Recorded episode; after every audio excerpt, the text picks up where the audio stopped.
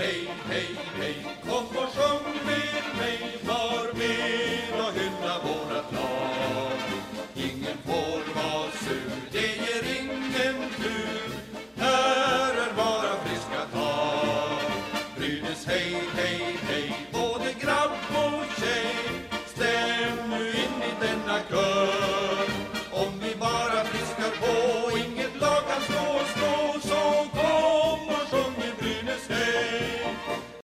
Ja, solen skiner där ute, folk är glada och kanske något naiva med tanke på att det fortfarande råder pandemi i världen. Men vad gör det när det är dags för ännu ett avsnitt av Brynäspodden här på Svenska fans? Eller vad säger du Fredrik? Ja, jag tycker att eh, jag instämmer helt.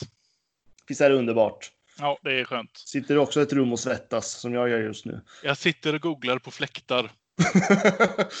ja, jag införskaffade en förra sommaren så jag är jäkligt stolt över det. Jag gjorde också Eh. det, men den gick sönder här i våras. Så att nu måste jag... Ah, ja, den är jobbig. Den är jobbig. Eh, Men det är inget vanligt avsnitt vi har idag. Vi har faktiskt en gäst med oss.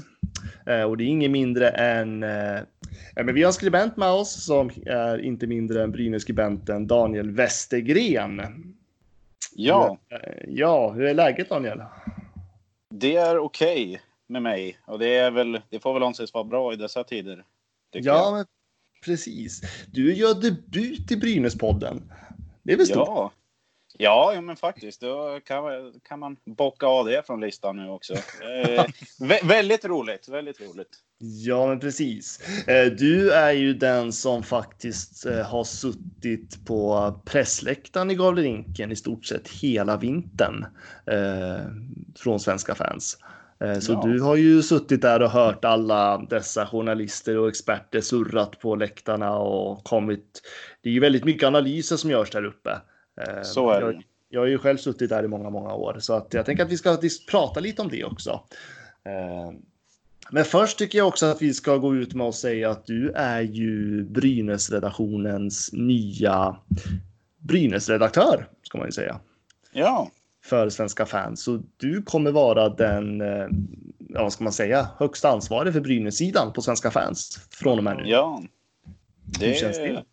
Det känns väldigt roligt. Det blev verkligen glad när jag blev tillfrågad om det. Alltså det jag lägger ner mycket tid och kraft på att för, ja, försöka få fram texter och nyheter och sånt där i dessa tider nu utöver själva matchbevakningen som är sen under säsong. Men jag lägger ner helt enkelt mycket tid och kraft på det. Så eh, att få ta det här nästa steget som det ändå är, det känns väldigt roligt. Och jag ser verkligen fram emot att få fortsätta utveckla min skribentförmåga eller vad vi ska kalla det och fortsätta utveckla hela redaktionen som, som är väldigt duktig i grund och botten. Men, nej, men så det blir jättespännande och det ska bli jätteroligt.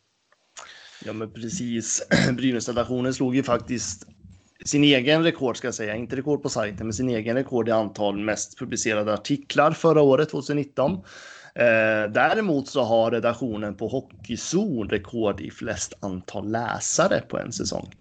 Eh, så att du har lite att leva upp till där. Ingen press, men Nej, nej precis. Det, nej, men det, nej, men jag ser, ser det bara som en, en, som en intressant utmaning att eh, försöka bibehålla den kvalitet som det ändå har varit. Både i mängden artiklar som publiceras och även ja, själva innehållet i artiklarna. Att det fortsätter vara samma höga nivå som det ändå har varit. Ja, det är underbart. Eh, du, har ju, du var ju också ambassadör för Brynäs IF i COL, om jag inte missminner mig. Det stämmer bra. Det stämmer. Eh, Men vad har du för relation till Brynäs? Alltså vad betyder Brynäs för dig? Det betyder otroligt mycket. Det är en väldigt... Brynäs IF är en väldigt stor del av mitt liv och har väl varit det ända sedan jag var liten egentligen.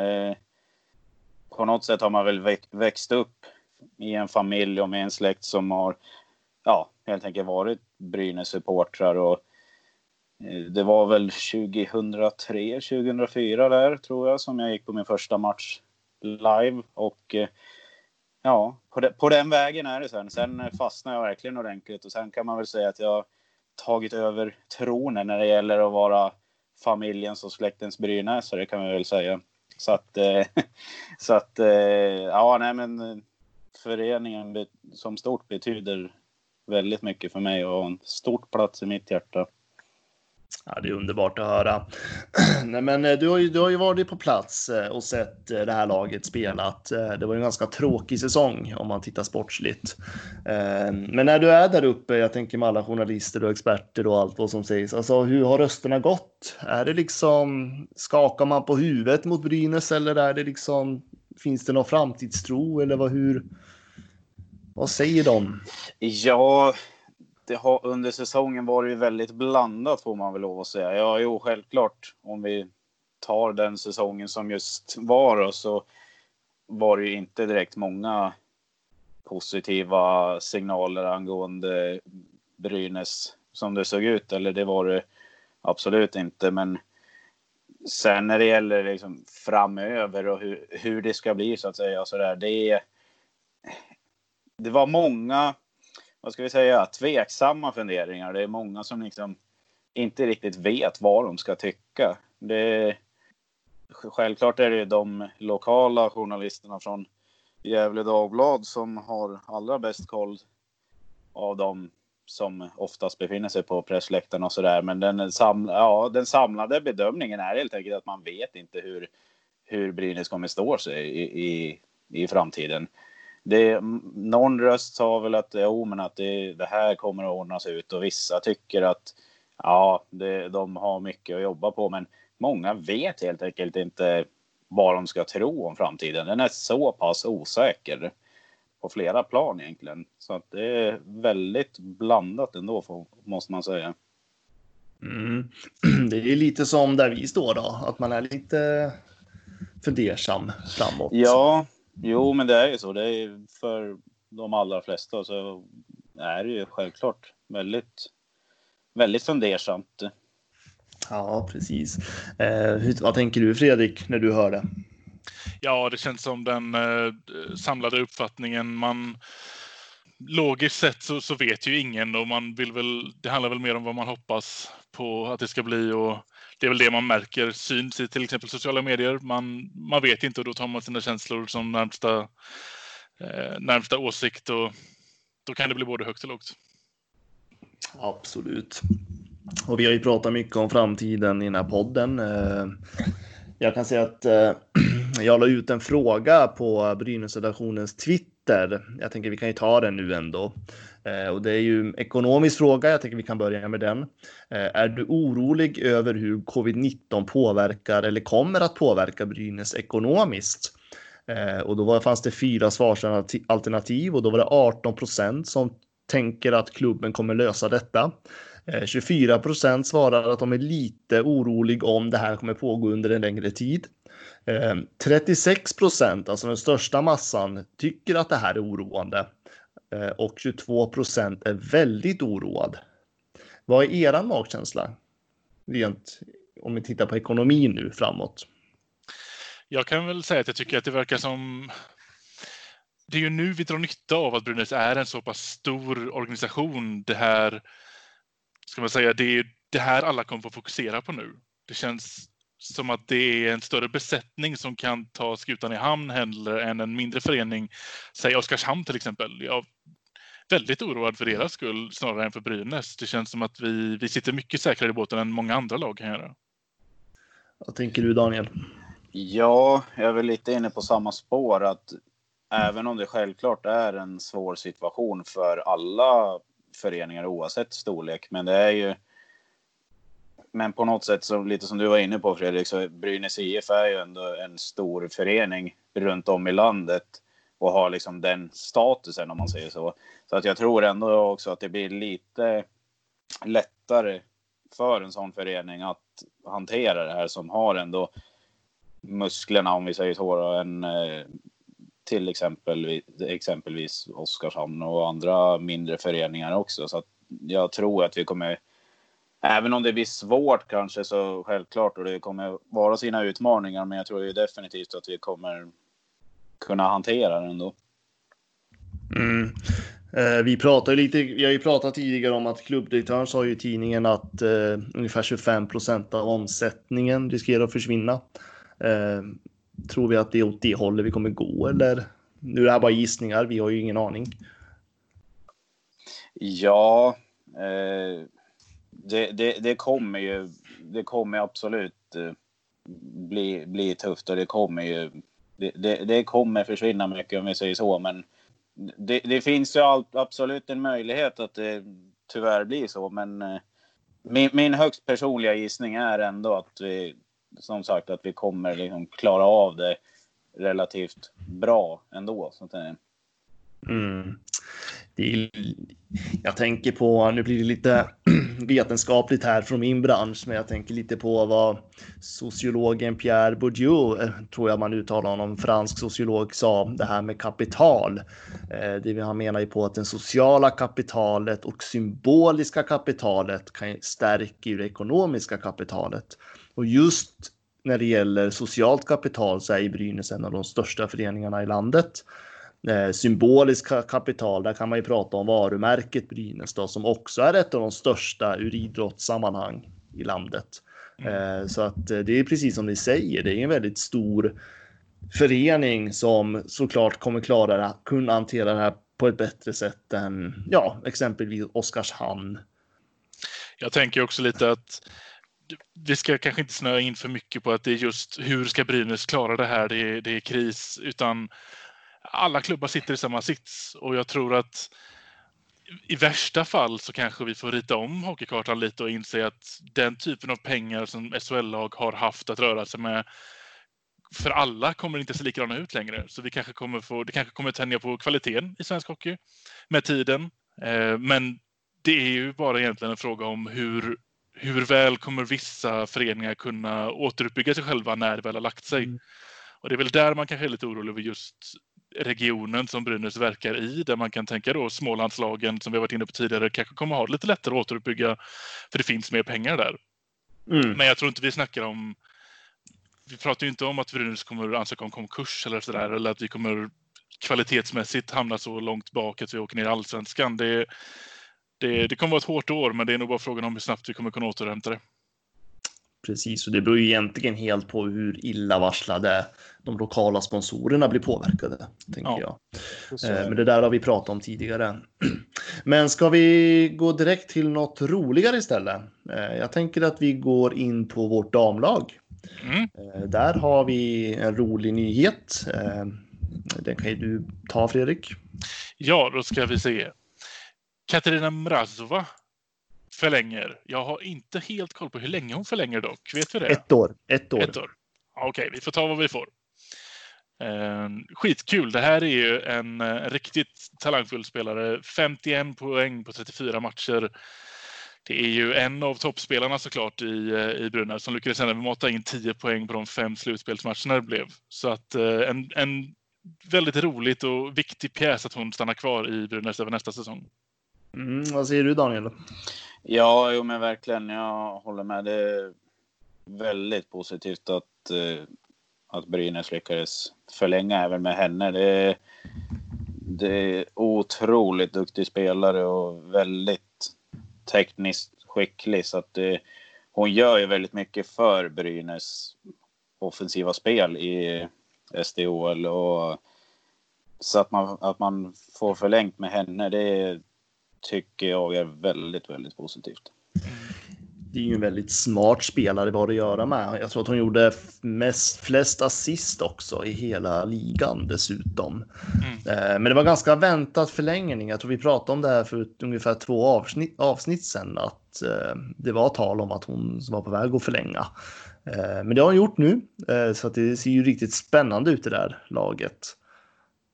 Ja, det börjar Verkligen. ta sig nu. Det är många man har lyckats fort, eller förlänga många viktiga pjäser hittills. Och Mrazov var ju definitivt en av de viktiga som vi har lyckats värva. Det är skitbra. Ja, vi får, jag antar att vi får ge den här credden till eh, Rika såklart.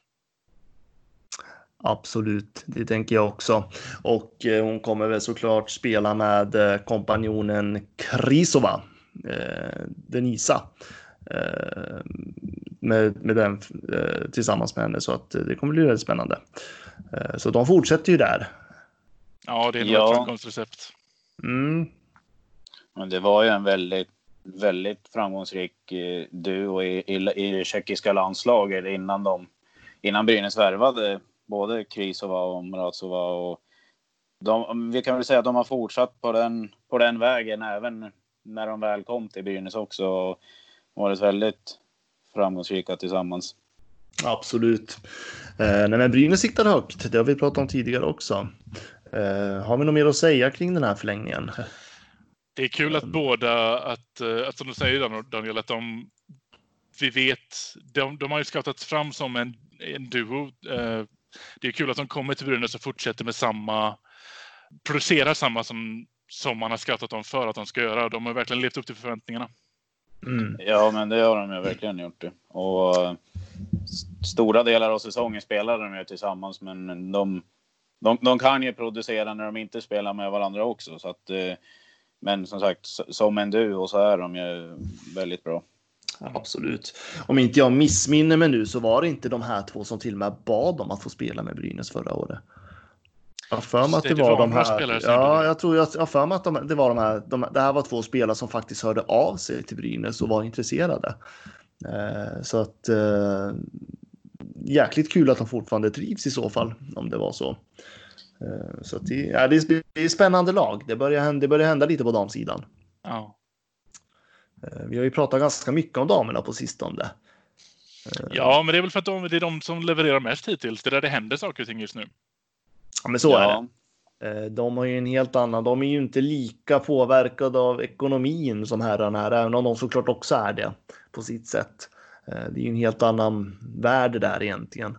Det är svårt att jämföra.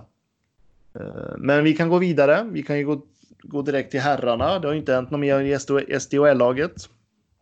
Där har vi, där det ändå kom sen senast att Marcus Westfält lämnar Brynäs IF.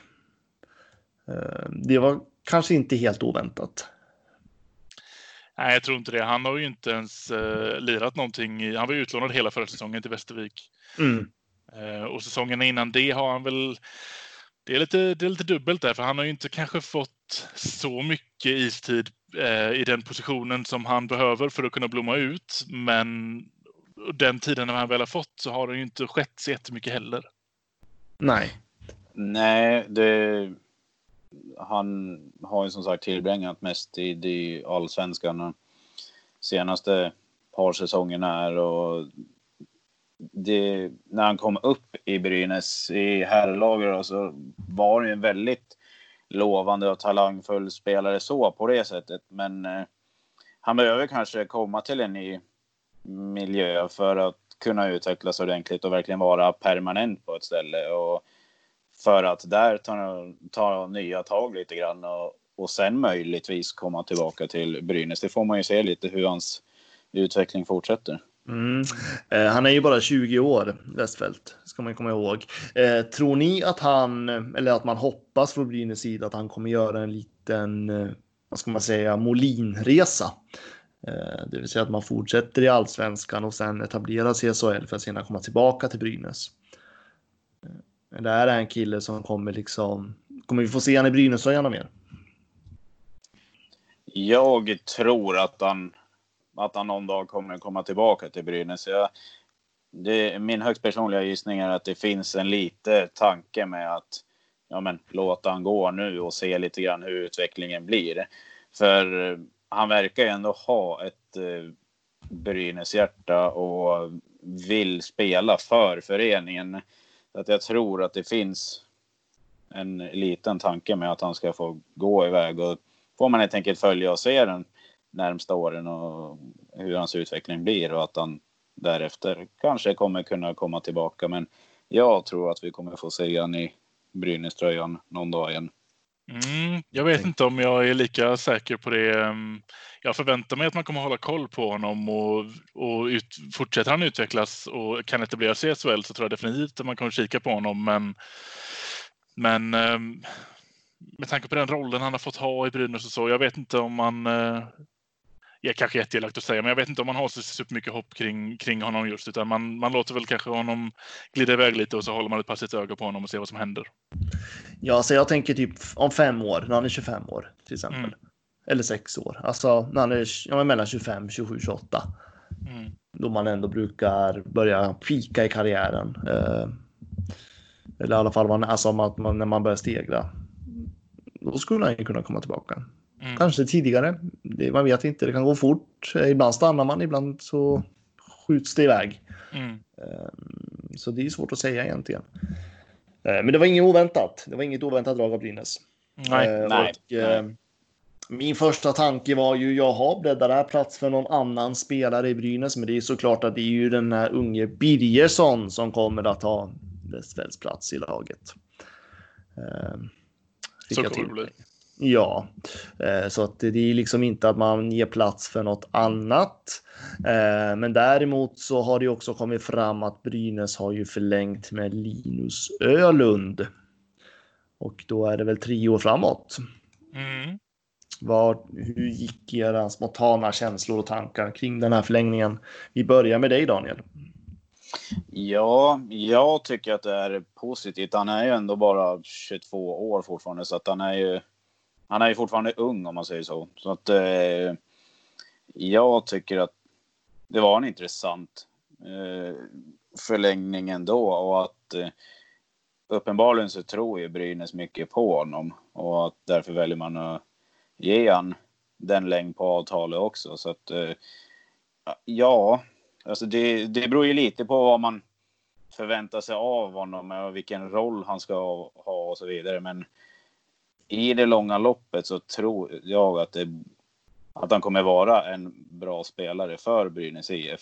Kanske främst i en roll som lite, ja, vad ska vi säga, två, tvåvägsspelare om vi säger så. Då. Det är väl kanske inte en sån här som kommer panga in massa poäng direkt om det inte lossnar väldigt ordentligt. Det, det vet man ju aldrig. Men eh, i det långa loppet så tror jag ändå att det är en, en nyttig spelare att ha i laget.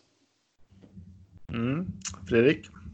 Ja, jag känner likadant där. Det känns som att uh, han fick en, uh, en otacksam, oklar roll förra säsongen. Så den här värvningen känns som att man baserar den mer på vad man förväntar sig och vad man har snackat ihop sig med Öhlund om hur framtiden ska se ut. För baserar man förlängningen på förra säsongen så, så är det inte den bästa förlängningen vi har gjort. Men jag tror jag tror man, som man själv har sagt också, man ser en ledarprofil i en, kanske en framtida kapten i Ölund. Och, eh, jag tror definitivt man ser mer, mer potential och ge honom nu en, en väldigt tydlig roll inför nästa säsong så kan vi se någonting där vi kan uppskatta och, och tycker det är kul att se Ölund spela igen. För det, det tyckte mm. jag inte att det var speciellt mycket förra säsongen. Han var väldigt blek.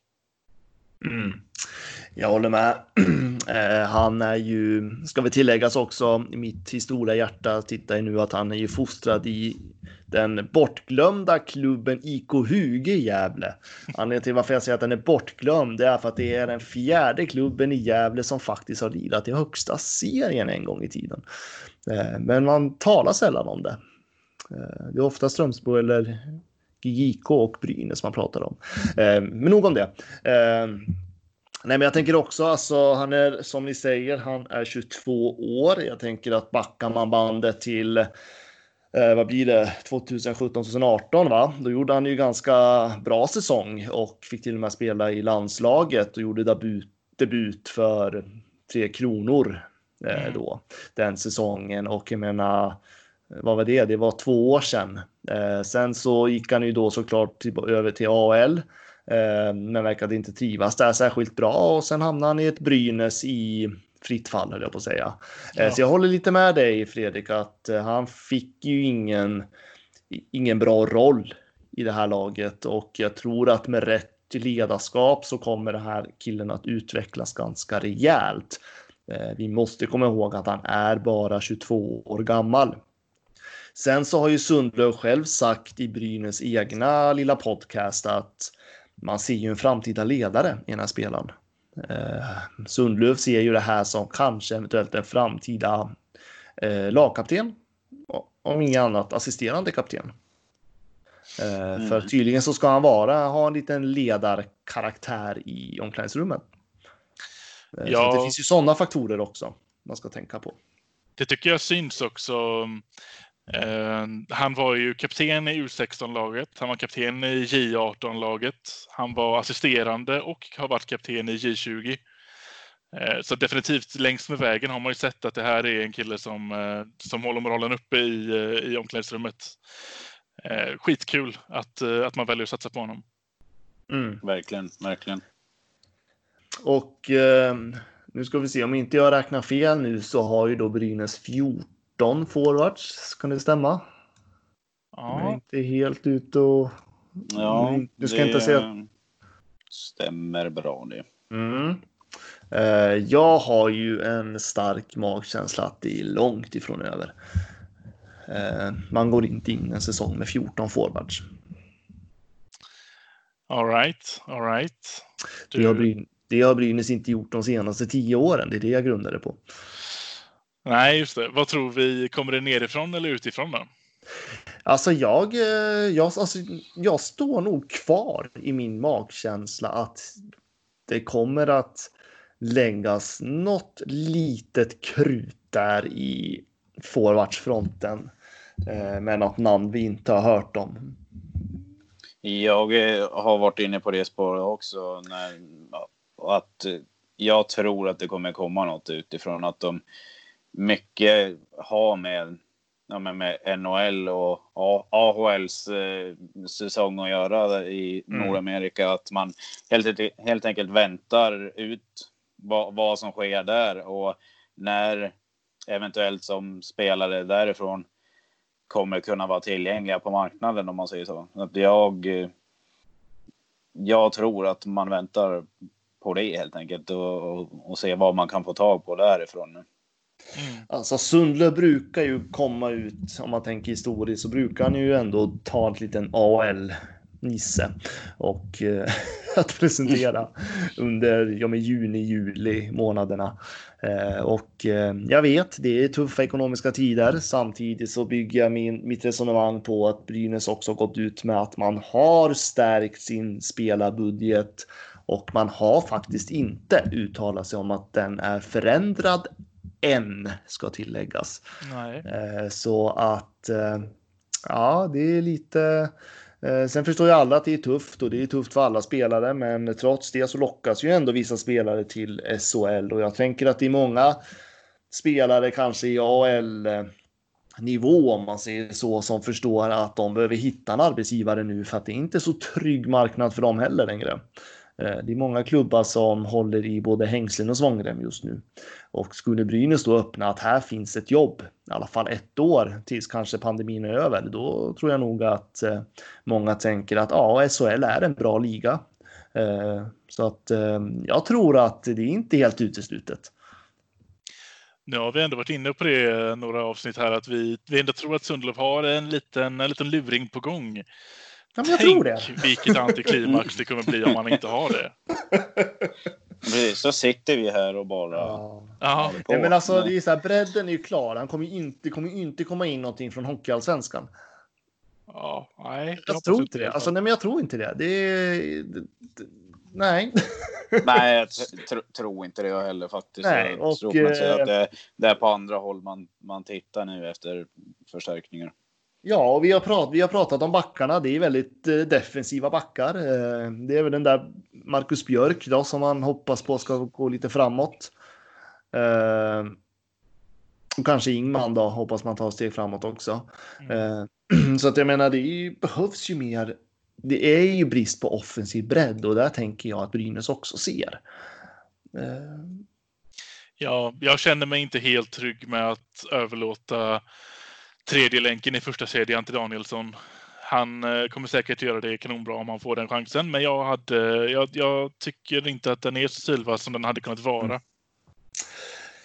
du tänker att han ska typ stärka andra kedjan istället då? Ja, På ett sätt tänker jag likadant ändå för att man behöver bredda ut den här offensiven på något vis. Eh, han fick ju lite olika roller förra säsongen också, Danielsson. Ja, han Sen åkte upp och slutade ner han, han åkte upp och ner lite grann. Sen slutade han på första, men det var lite för Brynäs överlevnads skull också. Mm. Eh, De behövde i alla fall någonting som producerade framåt Eh, och han gjorde det ju bra. Men en annan spelare kan också göra bra med Greg Scott och Anton Rudin. Mm. Eh, Vad tänker du kring det Daniel? Ja, och det jag såg av Danielsson förra eller säsongen som var här nu då, så som ni säger, det var ju väldigt mycket upp och ner och fick spela med både, ja, han spelade väl med de flesta kändes det som nästan ett tag, men eh, lite som Fredrik är inne på att han skulle, han skulle säkert kunna göra det jättebra i en första kedja med Scott och Rudin. Men eh, för att ändå kunna bredda ut produktionen lite mer så att det inte bara är den där första kedjan som ska producera. Jag tror det vore bra om man fick in någon offensivt lagspelare som kan ta den platsen i första kedjan och låta Danielsson spela i en andra kedja istället. För jag tror att han absolut kommer kunna producera och vara bra där också. Så att eh, jag är lite inne på det spåret jag också.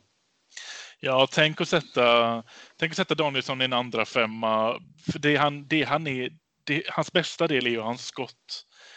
Så låt Molin stå och rodda i andra femman i offensiv zon och bara ställ Danielsson i ett hörn. Pucken kommer komma dit, det är bara att klippa till den när den kommer. Molin hittar, hittar luckan. Mm. Ja, det finns ju en hel del att diskutera på den där frågan. Eh, vi har faktiskt fått, eller vi får ganska ofta ska jag säga, frågor. Alltså det är många av våra lyssnare som tycker att vi ska gå igenom hela laget, hur vi vill forma ihop det här laget med femmor och så. Men jag tänker att vi ska vänta tills truppen är officiellt klar. Ja, det blir kanske mer en augusti-fråga. Ja, lite så. Eh, och då får du gärna vara med Daniel, Ja, tänker jag. Ja. Nej, men det blir väl mest rättvist kanske att, vänta tills lagbygget officiellt är lite mer klart om man säger så. För, för nu är det väldigt många frågetecken. Så... Ja, men det blir, det blir bara en massa konstiga gissningar då. Och helt plötsligt så kommer det in någon stjärna så ska man liksom göra om hela kruxeluxet. Eh, Så att eh, då tycker jag hellre att vi avvaktar tills Sundlöv har sagt att det här är vad vi har. Ja. Punkt. ja, Ja, är det något mer vi har på agendan? Ja, Jag är lite nyfiken på och ehm, jag, hade velat ha Daniels generella eh, syn på vad, vad, vad skulle du kunna sammanfatta vad du tycker? Hur, hur har säsongen sett ut lite för Brynäs? Du är ju den som har absolut bevakat dem hårdast, tycker jag, av oss. ja, väldigt stökig säsong om vi pratar om, om vi börjar med att prata om herrlaget då, så är väldigt eh, stökig säsong. Alltså det är såklart och så många så många supportrar liksom menar på så var det ju inte bra. Och det, den åsikten har väl jag också såklart att det för det mesta så såg det väldigt svajigt ut. Problemet som var i början av säsongen också när vi, Magnus Ungqvist fortfarande var ledare också, då tyckte jag att det, det, att det saknade, alltså väldigt uddlöst liksom. Och det var svårt att säga vad de egentligen, hur de egentligen ville spela på isen. Liksom. Det var väldigt oklart. Så att eh, därför tror jag nu när Peter Andersson kommer in som tränare att eh, det är inte säkert att det blir jätte, jättebra bara för att, bara för att han kommer in. Men, men det finns ändå goda möjligheter till det. Det tror jag absolut. Jag tror att det blir ett tydligt ledarskap, rakt och tydligt ledarskap. Att det är det som behövs för att alla som är i truppen för närvarande ska kunna lyfta på sig också oavsett vad som kommer in eller inte och vilka som om det är några fler som försvinner eller oavsett hur det blir på den fronten så tror jag att det kommer bli bättre med en ledare som Peter Andersson i båset. Så att eh, säsongen var ju väldigt, väldigt stökig får vi ändå säga. Mycket oklart och det, man visste inte riktigt vad, vad de ville stå för, för, för spel på isen. Så att, eh, nej, det var väldigt stökig säsong får vi lov att säga. Mm, krokig. Ja, men verkligen, verkligen. Damerna var det desto, desto mer positivt för. Där, eh, där ser man ändå en klar och tydlig bild om hur de vill spela och sådär. Och om man ska vara ärlig så har man ju större hopp för att de ska lyckas framöver än, än herrarna. Det ska man ändå vara ärlig och säga. Och det, där ser det ju väldigt positivt ut och det vet man att det är en väldigt attraktiv plats för spelare att komma till. Som vi har varit inne på tidigare. Det är ju spelare som ber om att få spela i Brynäs IF på damsidan. Mm. Så att där, eh, den säsongen som var är nu fick man på något sätt lite smakprov av som komma skall på något sätt. Ja, precis. Ja, det ser väldigt ljust ut på damsidan och det är så väldigt kul att, att se fram emot. Att man vet att, eh, det har vi varit inne på tidigare också, att vi, det känns ju som att man kommer kunna ställa upp med ett nästan bättre lag än förra säsongen på, på damsidan när det blir eh, matchdags sen i september. Det ska bli jäkla intressant att se. Ja, men verkligen. Och samma sak där. Jag tror väl att Erika Gram med, förmodligen sitter på några SE-rockärmen där också kunna presentera innan, innan det är dags att släppa pucken så att säga. Mm. Det tror jag. Ja, jag kan. Jag sitter bara här och nickar med allt, allt ni säger. Jag håller med. Eh, och apropå damer så Brynäs-skribenten Mats Östlund la ju en ganska intressant artikel på Svenska fans idag kring lite, lite kort om Brynäs eh, damhockeyhistoria. Och jag tycker ändå att eh, om man tänker på hur damhockeyn betraktas idag, både i media men också klubbarna så vill jag ändå citera vad alltså ishockeyns förbundsordförande Rickard Fagerlund sa 1992. Damishockeyn tar bara resurser från vår manliga verksamhet. Det vore bättre om kvinnor ägnade sig åt att vara vackra. Ridning är Den... en lämpligare idrott för kvinnor. Ishockey är en kraftsport med oerhört tuffa tag. Det här sa man alltså för 28 år sedan. Ja, du... Även om det... Att det, att det sägs... Eh, det, det årtalet så att säga. Det kan man tycka är... Ja, är rikt, riktigt, riktigt illa såklart. Ja, och då ska tilläggas att Brynäs har haft ett damlag sedan 1981. Så att det är en väldigt anrik damlag som vi faktiskt har att göra med. Och man har i princip tillhört svensk damelit sedan start. Så det är en av Sveriges mest anrika dam, damhockeylag, ska jag säga. Ett riktigt feltramp att vi är ett framgångsrikt damlag? Nej, eller nej. han sa så. Det var... nej, det ja, var nej, inte det. Nej, men det visar ju bara på vilken motgång som damhockeyn har fått kämpat med när till och med förbundsordförande uttalade sig så. Det låter lite annorlunda idag, även om vi alla vet att förbundet har väldigt mycket att jobba på fortfarande. Eh, men det är bra att det går framåt. Och det är jäkligt roligt att Brynäs just tar täten. Det är, det är bara, ja man blir stolt. Man blir stolt. Mm. Verkligen. Ska vi ta lite lyssnar eller ja, lyssnarfrågor? Yay! Eh, wow. Jag kan säga att det kommer inte in så många. eh, kan ju vara så att för att det inte händer någonting heller. Kan det också eh, vara att du var ute i sista sekund igen? Ja, det kan också vara. Det ska vi inte nämna. Nej, men eh, jag fick faktiskt, vi har faktiskt fått en fråga om, eh, ni minns säkert Kevin Clark. Ja. Mm, ja. Mm. Mm. Jag hoppas att ni gör, för det var två år sedan han spelade. Ja, eh, nej, men han spelar idag för, nu ska vi se, Rapperswil Jona Lakers i Schweiz.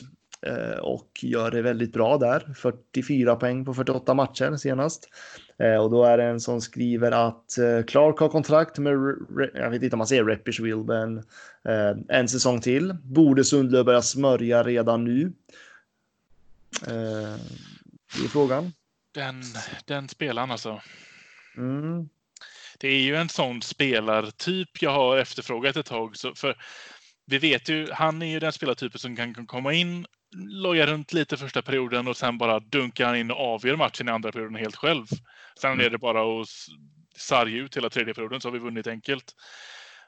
Det är ju lite det här med Hur gammal är han nu? 32? Han är 32. Han blir... Så det skulle vara om han är, det alltså en 33-åring som vi skulle signa då. Ja. Det Nå, behöver inte vara kattskit.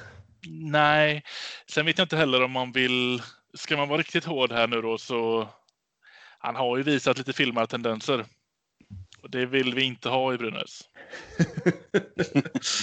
Nej, det, det är sant. Det är sant. Eh, absolut. Eh, men han gör det ju fortfarande bra. Han producerar ju bra. Verkligen. Mm. Eh, så det ska man inte ta ifrån honom. Han hade Nej. kanske lite tuffare i KL, men i Schweiz så verkar han trivas bra ändå. Eh, så Det är ju en lite öppnare liga i Schweiz också. Han, det ges ju mer utrymme för en så skicklig spelare som honom att, att visa vad han går för snarare än i KHL. Då får man ändå tillägga att han spelade i Dynamo Riga i KHL. Det är ju inte ett topplag direkt. nej. Eh, men SHL är ju lite öppnare än KL också tänker jag. Och, Precis. så att, eh, ja, nej, jag, jag, eh, jag är feg och ställer mig lite neutral i den där frågan. Jag, Mm. jag vill se hur det går för honom den här säsongen. Ja, och jag är lite, lite på underkant kanske. Det känns som att han kanske har passerat sitt eh, bäst före-datum, känner jag på mig. Eh, vad känner du, Daniel? Ja, det, det är ju en skicklig spelare. Det är det absolut. Det ska vi inte ta ifrån honom. Eh, och, men jag är väl lite avvaktande till det också. Och vill väl också gärna se hur det ser ut för honom den här säsongen. Samtidigt som jag även är inne lite grann på ditt spår, Fredrik. Att, eh, vi, vi kan ha sett ett bäst före-datum på honom, men eh, sen vet man ju inte. Det, det är självklart rena spekulationer från oss. Han kanske fortsätter och gör bra succé den här kommande säsongen. Det vet man inte, men eh, så att eh, jag säger väl också. Jag är väl kanske lite tråkig som säger det, men jag vill gärna se han en säsong till där i Schweiz och se hur han lyckas där innan man tar, tar det beslutet så att säga. Ja, det är ju lite dubbelt där eftersom, säg att han skulle ha en kanonsäsong igen när han dunkar in 44 nya poäng nästa säsong och blir intressant för oss igen, då är det en 34-åring vi ska värva. 33-åring va? Eller ska han fylla 34? Är det så det blir? Ja, han, vi se. fy, han, fy, eh, december. Ja, han fyller sent på året. Han fyller Ja. väldigt sent på året. Han ska ju fylla 34. Då. ja. Eh, precis. Så är det ju. Och sen risken med när man tar tillbaka en sån här uh, spelare, det är ju att han kommer ha skyhöga förväntningar på sig. Mm. Eh, och producerar man inte som förväntan i Brynäs, då vet ju alla hur det kan bli.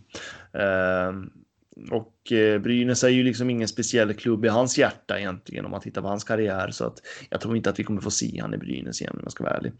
Eh, det är min magkänsla i alla fall. Mm. Det finns mer pengar i Schweiz. Ja, ja, det gör det. Ja, så att eh, jag tänker fortsätta han producera där så vill väl Schweiz ha kvar honom tänker jag. Så att, eh, ja, men vi kan gå till nästa fråga. Vi har faktiskt svarat på den, men jag tycker att den är så viktig att vi behöver svara den igen och jag vill då höra Daniels svar först, för jag vet vad du tycker Fredrik. Är det Bertilsson? Eh, nej, det är det inte. Det är någon ännu större. Ännu större. Oh. Och det är frågan, tycker ni att de ska hissa upp Honkens tröja i taket på ja, monitorn IRP Arena? Jag vill hellre säga Gavlerinken. Ja. Daniel? Det... Jag anser absolut att han, att han har förtjänat det. Det tycker jag. Däremot så, om vi ska göra någon slags eh, kölista på det där, vilka som förtjänar det mest om vi säger så, så är han kanske inte högst i topp där. Det har vi väl i alla fall en herre som, eh, som jag tycker ska få den hyllningen först. Men absolut tycker jag att han är värd det. Sen eh, när, när det blir av så att säga, det i så fall. Det återstår ju att se då. Men jag tycker absolut att han är värd i alla fall. Mm, jag håller ju med i fullhjärtat och jag tror att Fredrik gör det också. Ja, den skulle ju upp igår egentligen, men jag är väldigt intresserad på att veta vem, vem ska upp före honom menar du, Daniel? Det är väl Ove Molin jag tänker på. Ja.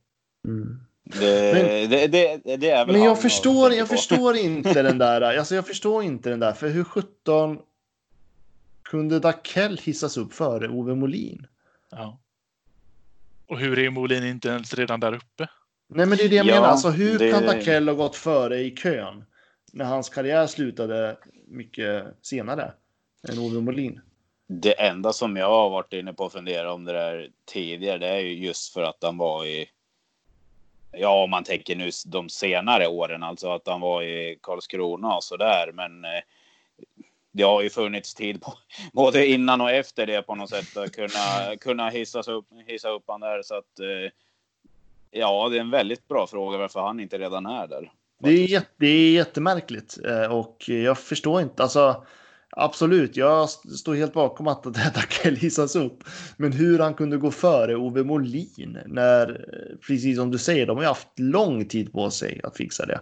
Mm. Uh, så det, ja, nej men då, tänk, då säger jag så här. Jag vill se Ove Molin hissas upp nästa säsong. Ja. Ja, det är, det är mitt budskap det här avsnittet. Det är inget snack om saken. Det är inget snack om saken. Så om Jürgen Lorenz hör mig det här nu så upp med han. Lös det bara. Precis, Lö, lös, lös det bara. Gör någonting rätt Brynäs. Nej då. det var bara ett skämt alla lyssnare.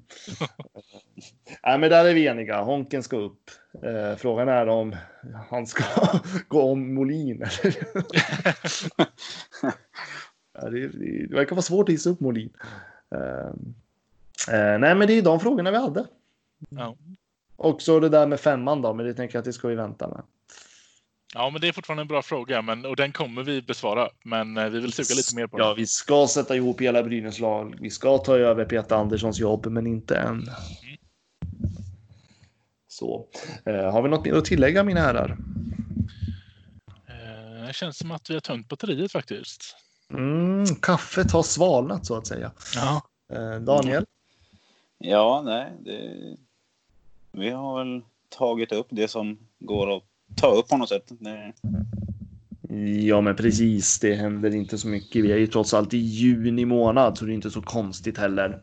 Eh, men glöm inte att följa Brynäs podden på Twitter, Brynäspodden och där kan man ställa frågor till oss eller mm, skriva till oss vad man nu tycker, känner och eh, allt ifrån kritik till beröm. Helst det sistnämnda. Mm. Ehm, och glöm såklart inte att följa Brynäs-redaktionen på Svenska fans. Eh, där får ni läsa det senaste om Brynäs och det är lite annorlunda artiklar än vad man är vana i övrig media, vilket jag älskar. Eh, så på återseende så hörs vi igen. Hej då!